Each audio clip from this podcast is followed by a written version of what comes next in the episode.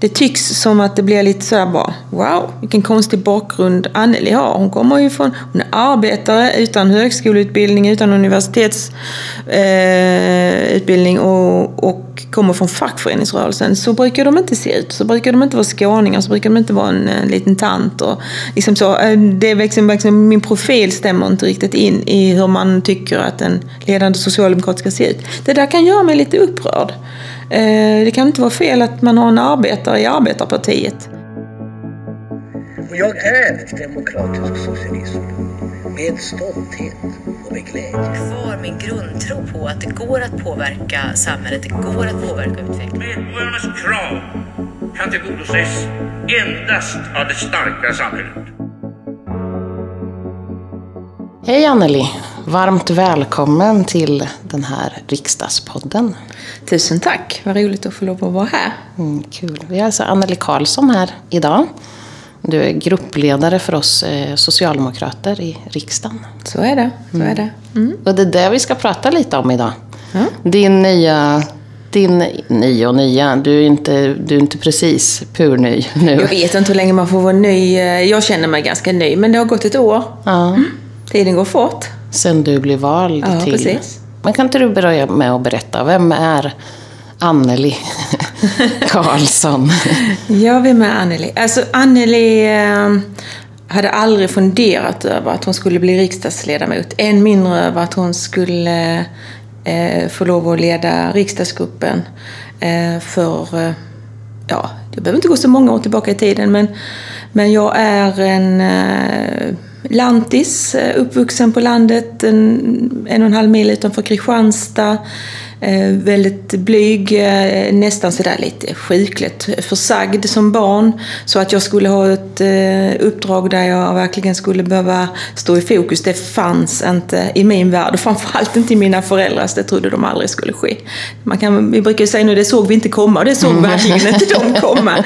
Men sen började jag engagera mig fackligt. Jag jobbade på Kappahl. Jag fick faktiskt också där kan man säga att Anneli fick en möjlighet för att jag praoade på Kappahl fotboll. Och jag hade en fantastiskt mysig butikschef, han heter Rine. Och han frågade mig så, vill du jobba lite extra? Jag var 14 år och ville ge väldigt gärna det. Och där fick jag också lära mig att möta människor, prata med de jag inte kände och titta dem i ögonen. Och liksom, jag vågade mycket mer efter ett tag på Kappahl.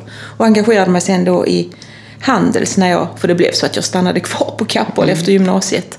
Eh, vilket ju väldigt många har eh, börjat sin, sitt arbetsliv med att praoa och gå vidare. Och så har jag på den vägen fått möjligheten att växa och utvecklas.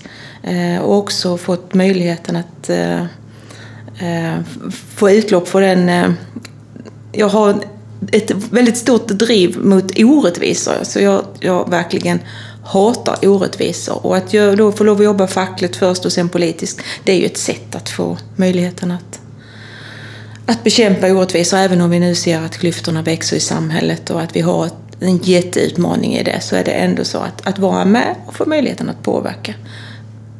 Men vad var det där, du säger hatet mot orättvisor, fanns det något särskilt specifikt eller har det alltid funnits med dig? Eller hur? Ja, jag, jag kan liksom inte säga egentligen var det, var det kom ifrån. Jag är inte uppvuxen i ett politiskt eh, hem. Eh, de var socialdemokrater hemma men absolut inte aktiva eller på något vis så. så jag hade det mer med mig redan från början att det skulle vara lika. Jag hade sådär mm, redan som barn eh, att med min syster, vi skulle dela på mitten. Och det var liksom, mm. jag, det stora och det små, det börjar, när man är barn börjar det ju så. Men också väldigt upprörd över eh, Eh, krigen som härjade när jag, när jag då växte upp och barn som for illa. Och jag har haft en sån drivkraft i mig. Och när jag då började jobba och såg de orättvisorna som fanns i, på ar i arbetslivet. Jag blev nog lite chockad när jag som då ung tjej kom och såg hur kvinnorna jobbade deltid och männen jobbade heltid och hur, hur eh, det ändå var en, en sån eh, eh stor ojämlikhet på arbetsmarknaden. Eh, det gjorde mig irriterad eh, och eh, ja, kanske rent ut sagt förbannad. Och det gjorde att jag tänkte att men det här måste jag ändå engagera mig i. Då får jag ju bita ihop.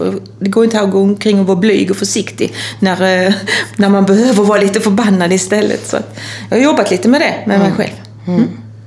Och hur gick det då? Hur, hur, gick det från, hur gick det från att du var fackligt aktiv till att du blev aktiv också i politiken? Var det en, var det en mm. önskan eller jag har, jag, har, jag har nog alltid haft tur. Jag var, jag var medlem i SSU, ska jag säga. Det var jag var medlem i SSU, för det var ett första sätt att bekämpa orättvisor. SSU stod för allt det där som, som jag också eh, stod för som ung. Så att jag var medlem, men, men lite försiktigt på kanten kan man säga. Jag var inte den som, som klev fram och stod mitt i. Eh, däremot så har jag, har jag nog anledningen till att, eller vad ska man säga, hur, hur det gick. Det var nog så här att jag har alltid haft tur att, att eh, omge mig med människor som har trott på mig. De har trott på mig mer än jag har trott på mig själv. Eh, började med Rune på Kappahl, eh, jag blev aktiv i Handels. Där fanns eh, ombudsmän och förtroendevalda som sa att eh, det är klart att eh, du ska gå ombudsmannautbildningen. Eh, och jag sa nej, nej, nej, det kommer aldrig att gå. Och så gick jag den ändå och så blev jag ombudsman. Och sen kom man och sa att ja, men vi tror att du ska liksom vara Kristianstads namn på riksdagslistan. Jag bara, nej, ni är galna, det kommer aldrig att gå. Men så tjatade de lite och så blev det så ändå. Eh, så jag är verkligen en sån som har sagt nej till allt, precis allt. Jag sa nej också när eh, vår partiordförande och statsminister sa att han tyckte jag skulle bli gruppledare för eh, riksdagsgruppen. Så sa jag nej Stefan, nu tänker du fel. så att har man, har man turen att omge sig med rätt människor som liksom ändå tror på en så, så kan, man, kan man ändå ja, tydligen bli gruppledare i, i riksdagen. Men ser man vad det betyder? Precis, och det är också det som betyder mycket när vi tittar på vår grupp. Hur var och en av ledamöterna i vår riksdagsgrupp har en potential som vi måste ta tillvara. Jag brukar tjata på er om att eh, vi vill se den bästa versionen av var och en. Jag tror inte alls på den modellen när man ska säga, mejsla ut talepunkter och sen ska alla låta likadant. Utan vi riksdagsledamöter vi blir valda utifrån de personer vi är.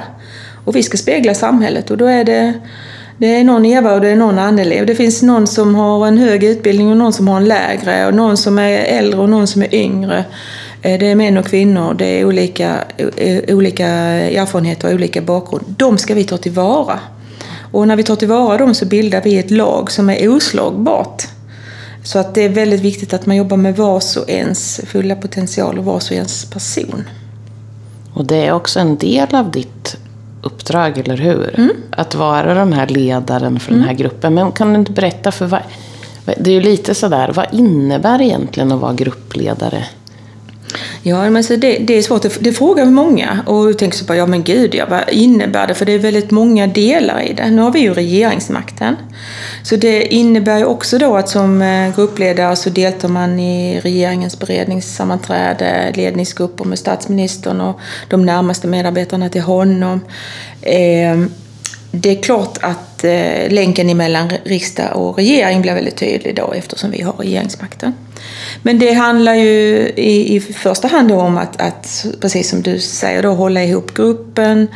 Eh, vi träffas ju varje vecka. Vi har ett arbetsutskott eh, som, som utgör då en, eh, en gruppledning och eh, har en fantastisk vice gruppledare, Erik Eselius, som, som avlastar och som gör, gör många delar i det jobbet med att eh, jobba med gruppen på olika sätt. Vi har en gruppstyrelse som består av eh, alla de som leder de olika utskotten. Eh, och de träffar jag då också varje vecka, varje tisdag mellan två och kvart i fyra innan vi sen har gruppmöte klockan fyra.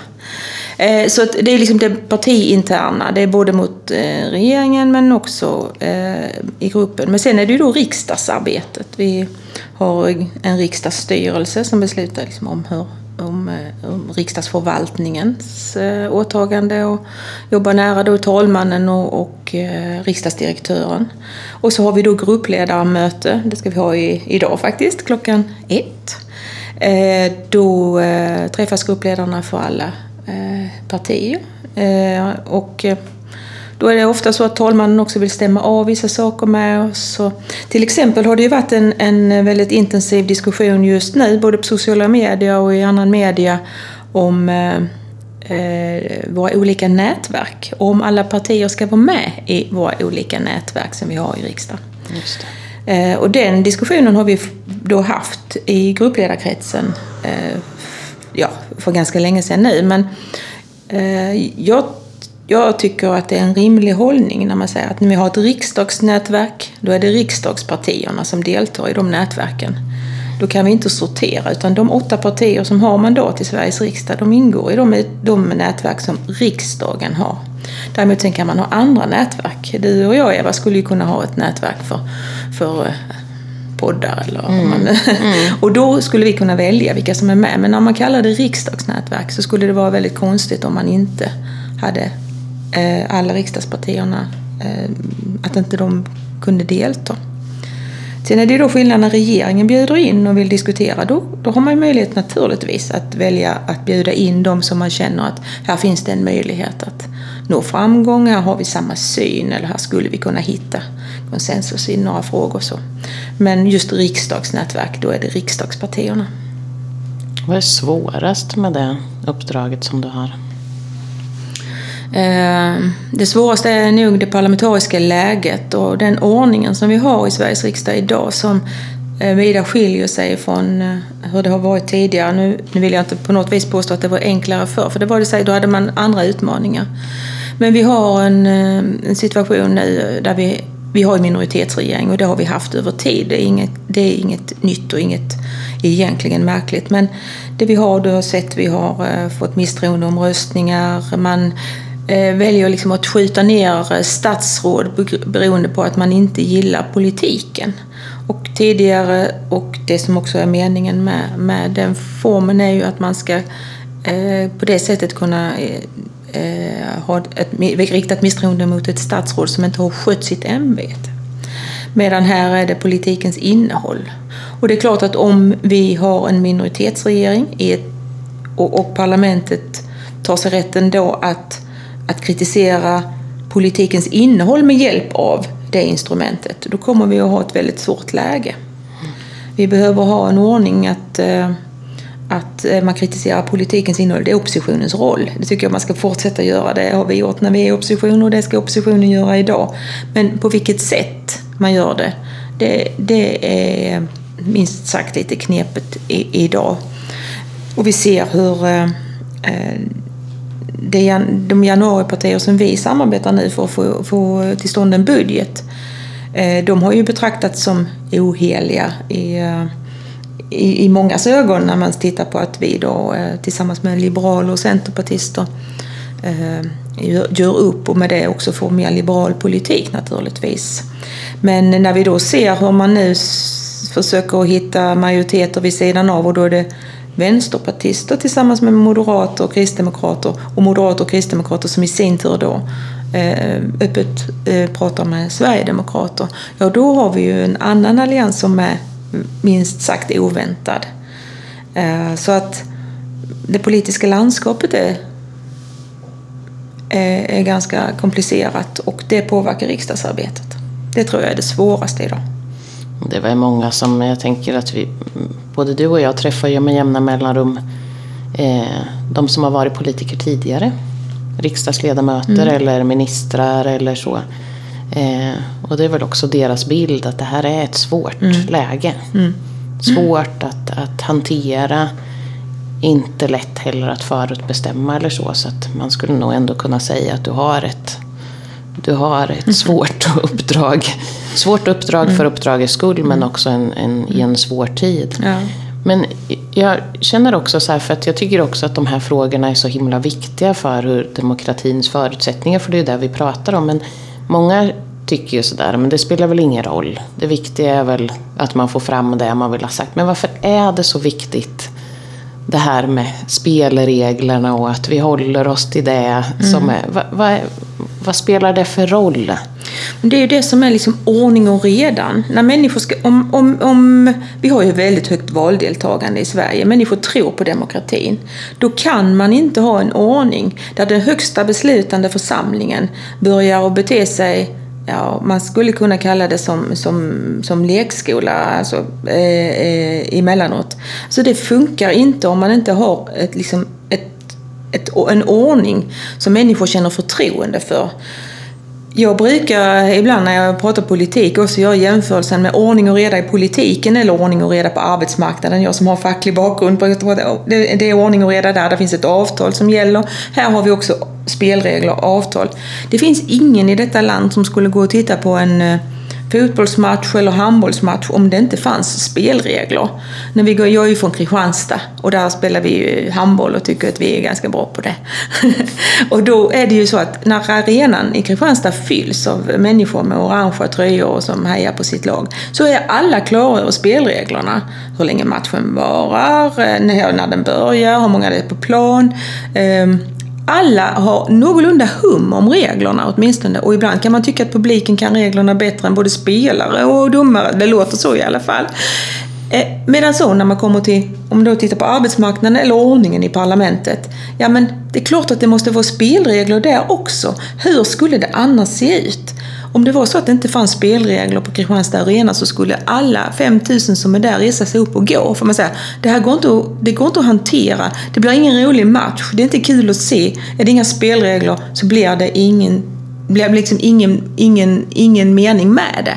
Och en demokrati utan spelregler skulle bli ett jäkla sammelsurium. Och då skulle människor tappa tron på demokratin. Det är förödande. Mm. Jag, jag har stor respekt för att det är många som inte tycker om den politik som jag står upp för. Och jag har också stor respekt för att många säger så här, ja men gud, ni driver en liberal politik i, i, i vissa delar. Och det är ju helt sant eftersom vi samverkar med två liberala partier i budgetöverenskommelser. Men vi fick 28 procent i förra valet. Och om vi då kan få nu vet jag inte, jag kanske, men om vi säger att vi får igenom en 60-70 procent socialdemokratisk politik i det sam, samarbetet vi har med Centern, Liberalerna och Miljöpartiet. Ja, då är det väl ganska bra på ett valresultat på 28. Man kan inte få ett valresultat på 28 och förvänta sig att man till 100 procent bestämmer sin politik.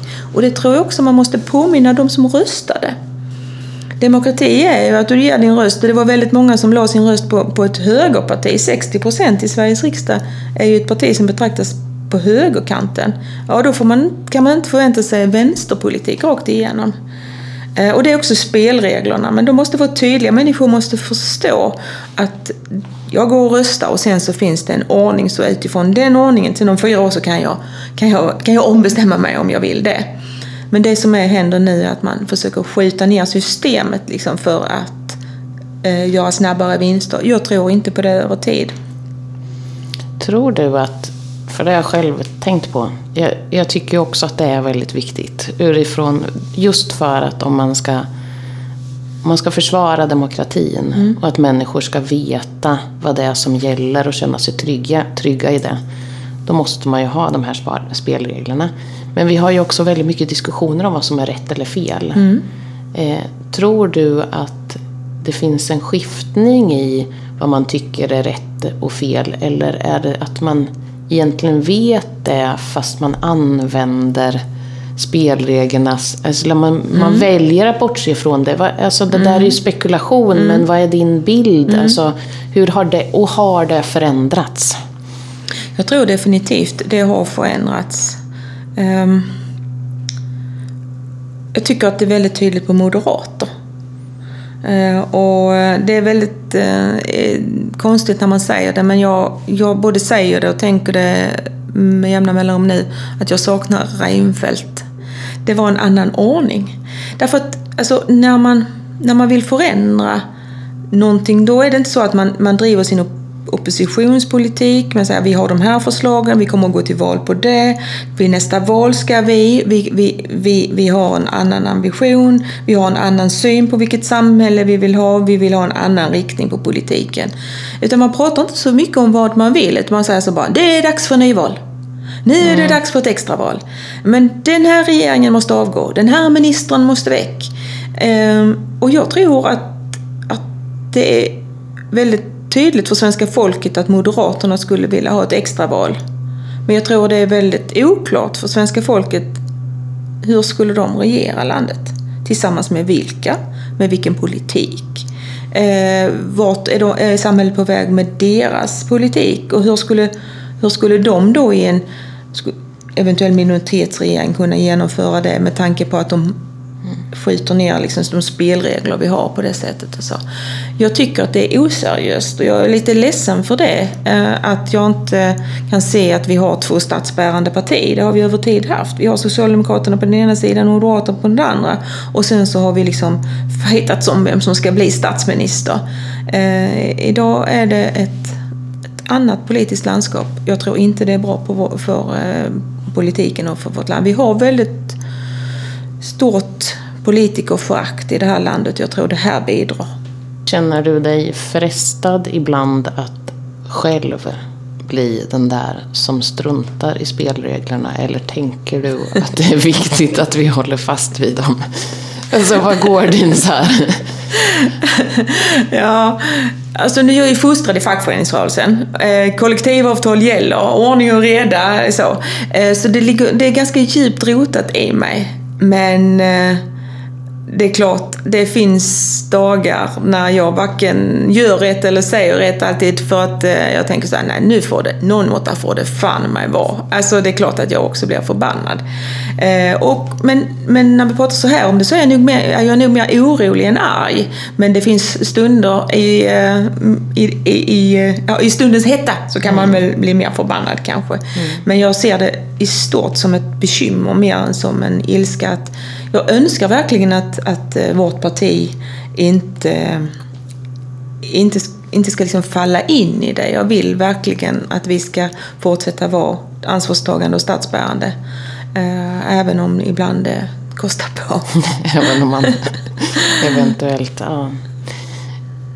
Du, får ju, du är ju som sagt en mycket mer offentlig person nu än än tidigare men också än du var kanske som, som riksdagsledamot och mm. du, måste, du måste ställa upp på intervjuer och, och det här offentliga. Hur, hur påverkar det dig? Och, och finns den där blyga Anneli kvar där? Och... Ja, nej men det, den person jag var, den är jag. Eh, men jag har ju eh, fått eh, jobba med det såklart. Eh, jag har uppfattningen att en gruppledare för riksdagsgruppen inte är den som ska fronta eh, i de allra flesta frågor. Därför att vi har eh, utskott som jobbar med sakpolitik på olika områden och oftast så handlar eh, de politiska frågorna om skolan, eller om sjukvården eller om rättspolitik. Och då är det gruppledarna där som ska Eh, fronta och ta de diskussionerna. Alternativt den, den ledamoten i utskottet som har ansvar för frågan. Så att av den anledningen så kan, kan jag tycka att som gruppledare så är det inte så ofta som, som det är mig som ljuset ska falla på utan det ska oftare falla på den som, som har en större sakkunskap. Eh, däremot så eh, är det ju när det händer någonting, eh, då är det ju gruppledaren som, eh, om någon, någonting som som inte är riktigt bra eller eh, då, då, eh, då ska man ju eh, eh, naturligtvis ta ansvar för det. Det som, det som händer är ju att, och det där kan jag verkligen fundera över, det tycks som att det blir lite såhär bara, wow, vilken konstig bakgrund Anneli har. Hon kommer ju från, hon är arbetare utan högskoleutbildning, utan universitetsutbildning eh, och, och kommer från fackföreningsrörelsen så brukar de inte se ut. Så brukar de inte vara skåningar, så brukar de inte vara en, en liten tant. Och liksom så, eh, det är liksom, liksom, min profil stämmer inte riktigt in i hur man tycker att en ledande socialdemokrat ska se ut. Det där kan göra mig lite upprörd. Eh, det kan inte vara fel att man har en arbetare i arbetarpartiet. Och det kan jag inte tycka att det är rimligt att man säger så bara oj vad spännande bakgrund. Men det tycker en del journalister också. Spännande bakgrund du har Anneli. Man bara, nej jag tycker inte den är Eh, så, så spännande så. Däremot så är det viktigt att den bakgrunden finns med i det politiska arbetet på alla nivåer. Så att, eh, att det är några som har ställt klockan och klivit upp och gått till jobbet eh, samtidigt som någon annan höll på att utbilda sig. Det kan inte vara fel, den kombinationen. Precis som jag sa inledningsvis, den bästa versionen av oss själva och sätta samman laget med så mycket erfarenhet och, och eh, kunskap som helst av olika slag så tror jag att vi blir det vinnande laget över tid. Mm.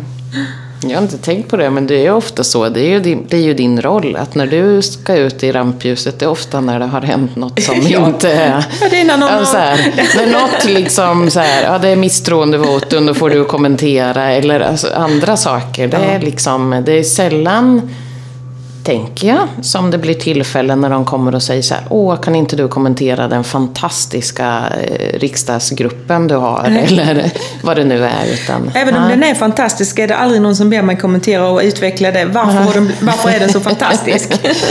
Nej. Nej. Nej, men det är också en sån där... Men, känner, men du känner så här, du är ju alltid, det är man ju, man är alltid sig själv. Men finns det där liksom fröet av att jag är orolig, jag vågar nog inte riktigt ta det här eller, eller är ditt driv, för det, jag tänker att när jag tänker på dig, då tänker jag på ett jättestarkt engagemang och driv som på något sätt verkligen tar över. Är det ändå så att det där drivet tar över den där blyga, försiktiga som väl finns i större eller mindre grad i oss. Men tar den över? Ja, ja men det är en jättebra fråga. Eh, för att eh, det, det, har, jag- det frågar jag mig själv ibland. Så, men varför gör jag detta när jag tänker att nu kommer jag säkert att dö? Eh, och så gör jag ju inte det. Och och, och det, vi överlever ju mer än vi tror. Men, men just de här, det ska vara ett misstroende, det är ett misstroende mot det riktat. Jag ska avge röstförklaringen. Salen är fylld, media bevakar. Men vem är jag att gå upp och göra röstförklaringen eh, som, som har det här blyga draget i mig och som inte tycker om att, eh, att synas på det sättet. Men då är det liksom, det, dels är det, blir det ju att nej, någon ska ju göra det. Jag är vald för att göra det, är satt att göra det.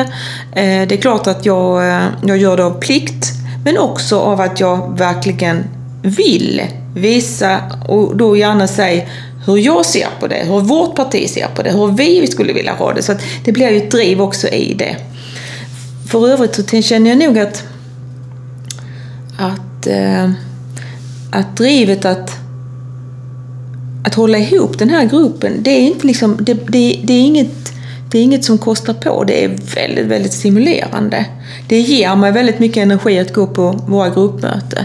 Det ger mig energi att se hur eh, man eh, räcker upp handen och, och, och har eh, smarta, kloka reflektioner, hur vi kan föra en diskussion och landa i hur vi går till voteringar och vi, vi är överens och trycker igenom det som vi, vi då kan utifrån det parlamentariska läget. Och, alltså det är väldigt stimulerande att jobba med, med riksdagsledamöterna.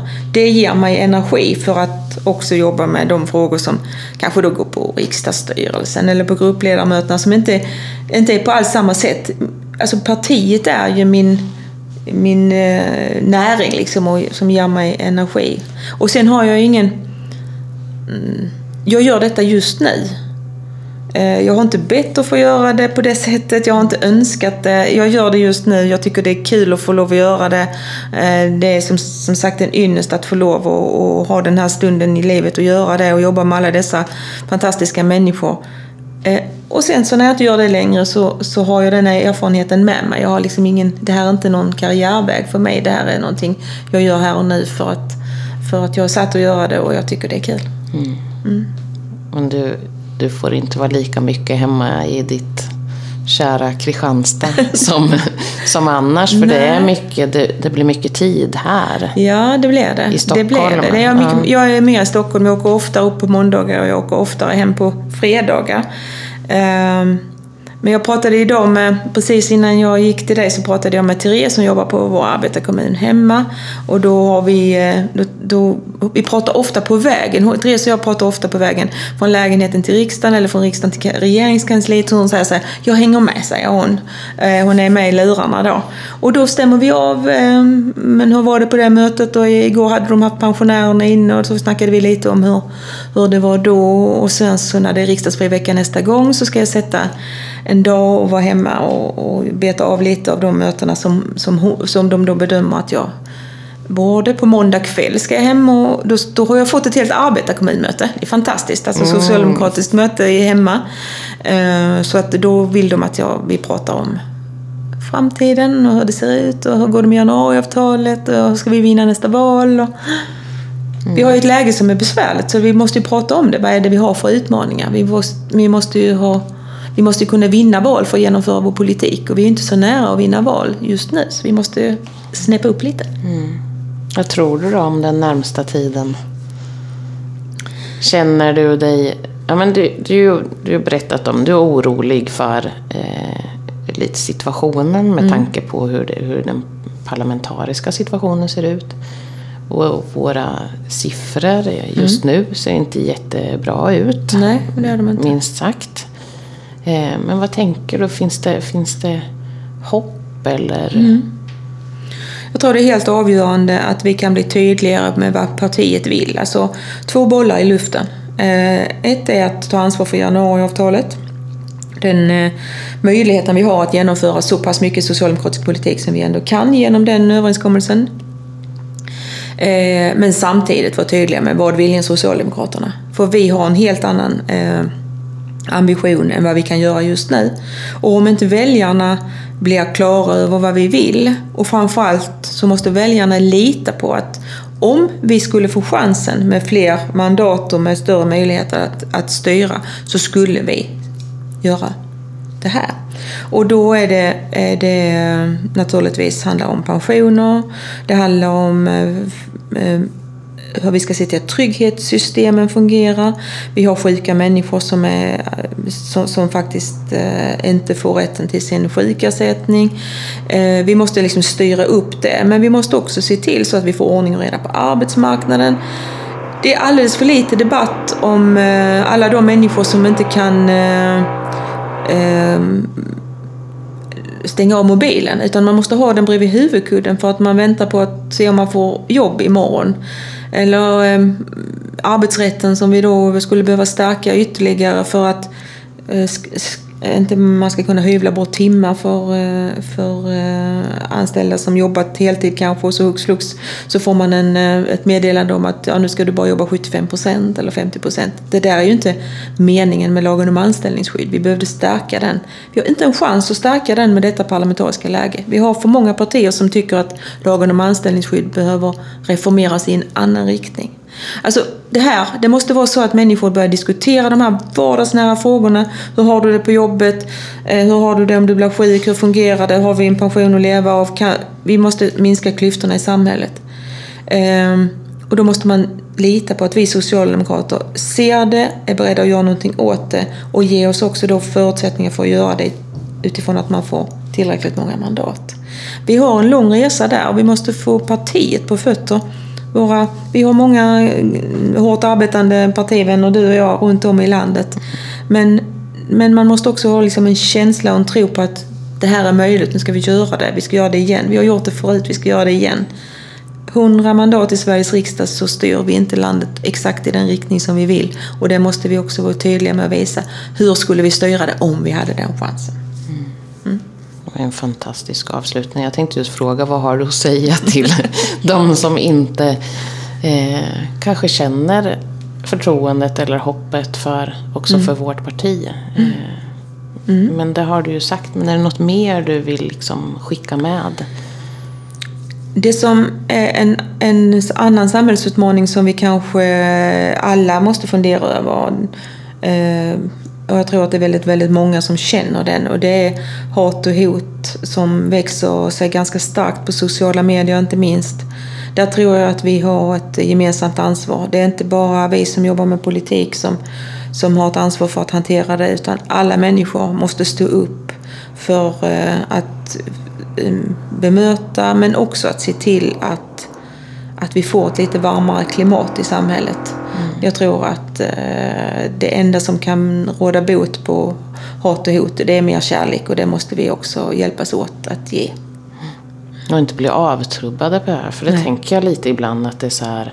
Ja, nu har han blivit utsatt för det också. Och då är det precis som att det är okej. Och det är inte okej. Det är aldrig okej. Vi vänjer oss, du och jag vänjer oss vid att radera våra mejl och, och eh, plocka bort kommentarer på sociala medier. Men, men eh, jag tror att eh, vi måste liksom tillsammans liksom pusha varandra för att det här är aldrig okej. Och det är inte så heller att, att någon, det är någons ansvar utan det är allas ansvar att se till så att vi hjälps åt att stå upp mot den attityden som inte får ta över. Nej, jag tror, och det är ju helt mänskligt, att det är ju ett sätt att, att skydda sig själv. Att om man får väldigt hotfulla eller arga, eller att man, att man på något sätt försöker att så här, men jag orkar, jag kan inte klara av att så här, så då tar man bort den. Men det är också precis en fara. Och, och jag tänkte själv på det därför att jag, eh, jag fick några positiva mejl eh, för några veckor sedan och då frågade dem, ja, berättade jag det? Vi pratade om det, några riksdags och då var det någon som sa att eh, ja, jag, brukar, jag brukar mest få bara hatfulla, du, din och, och, och särskilt unga kvinnor skulle jag De är- säga. de är mest Generellt utsatta. är mer utsatta. Eh, vad, vad tänker du om det? Ja, men precis, mer kärlek men Nej, men, men förstår vi allvaret i det? jag tror att eh, jag tror att man måste fundera över alltså, människor utanför politiken. Jag hör ibland man säger så bara, ja men det får man kanske räkna med om man har tagit sig på att, att vara politiker. Och jag, jag tänker att inget kan väl vara mer fel. Det är precis som om man är, vi pratade om jämfört med idrotten innan, om man är fotbollsspelare, handbollsspelare, så blir man också utsatt. Alltså så fort man blir en offentlig person av något slag, så blir det också så att människor tar sig friheten och rätten att, att kränka och att hota och att hata.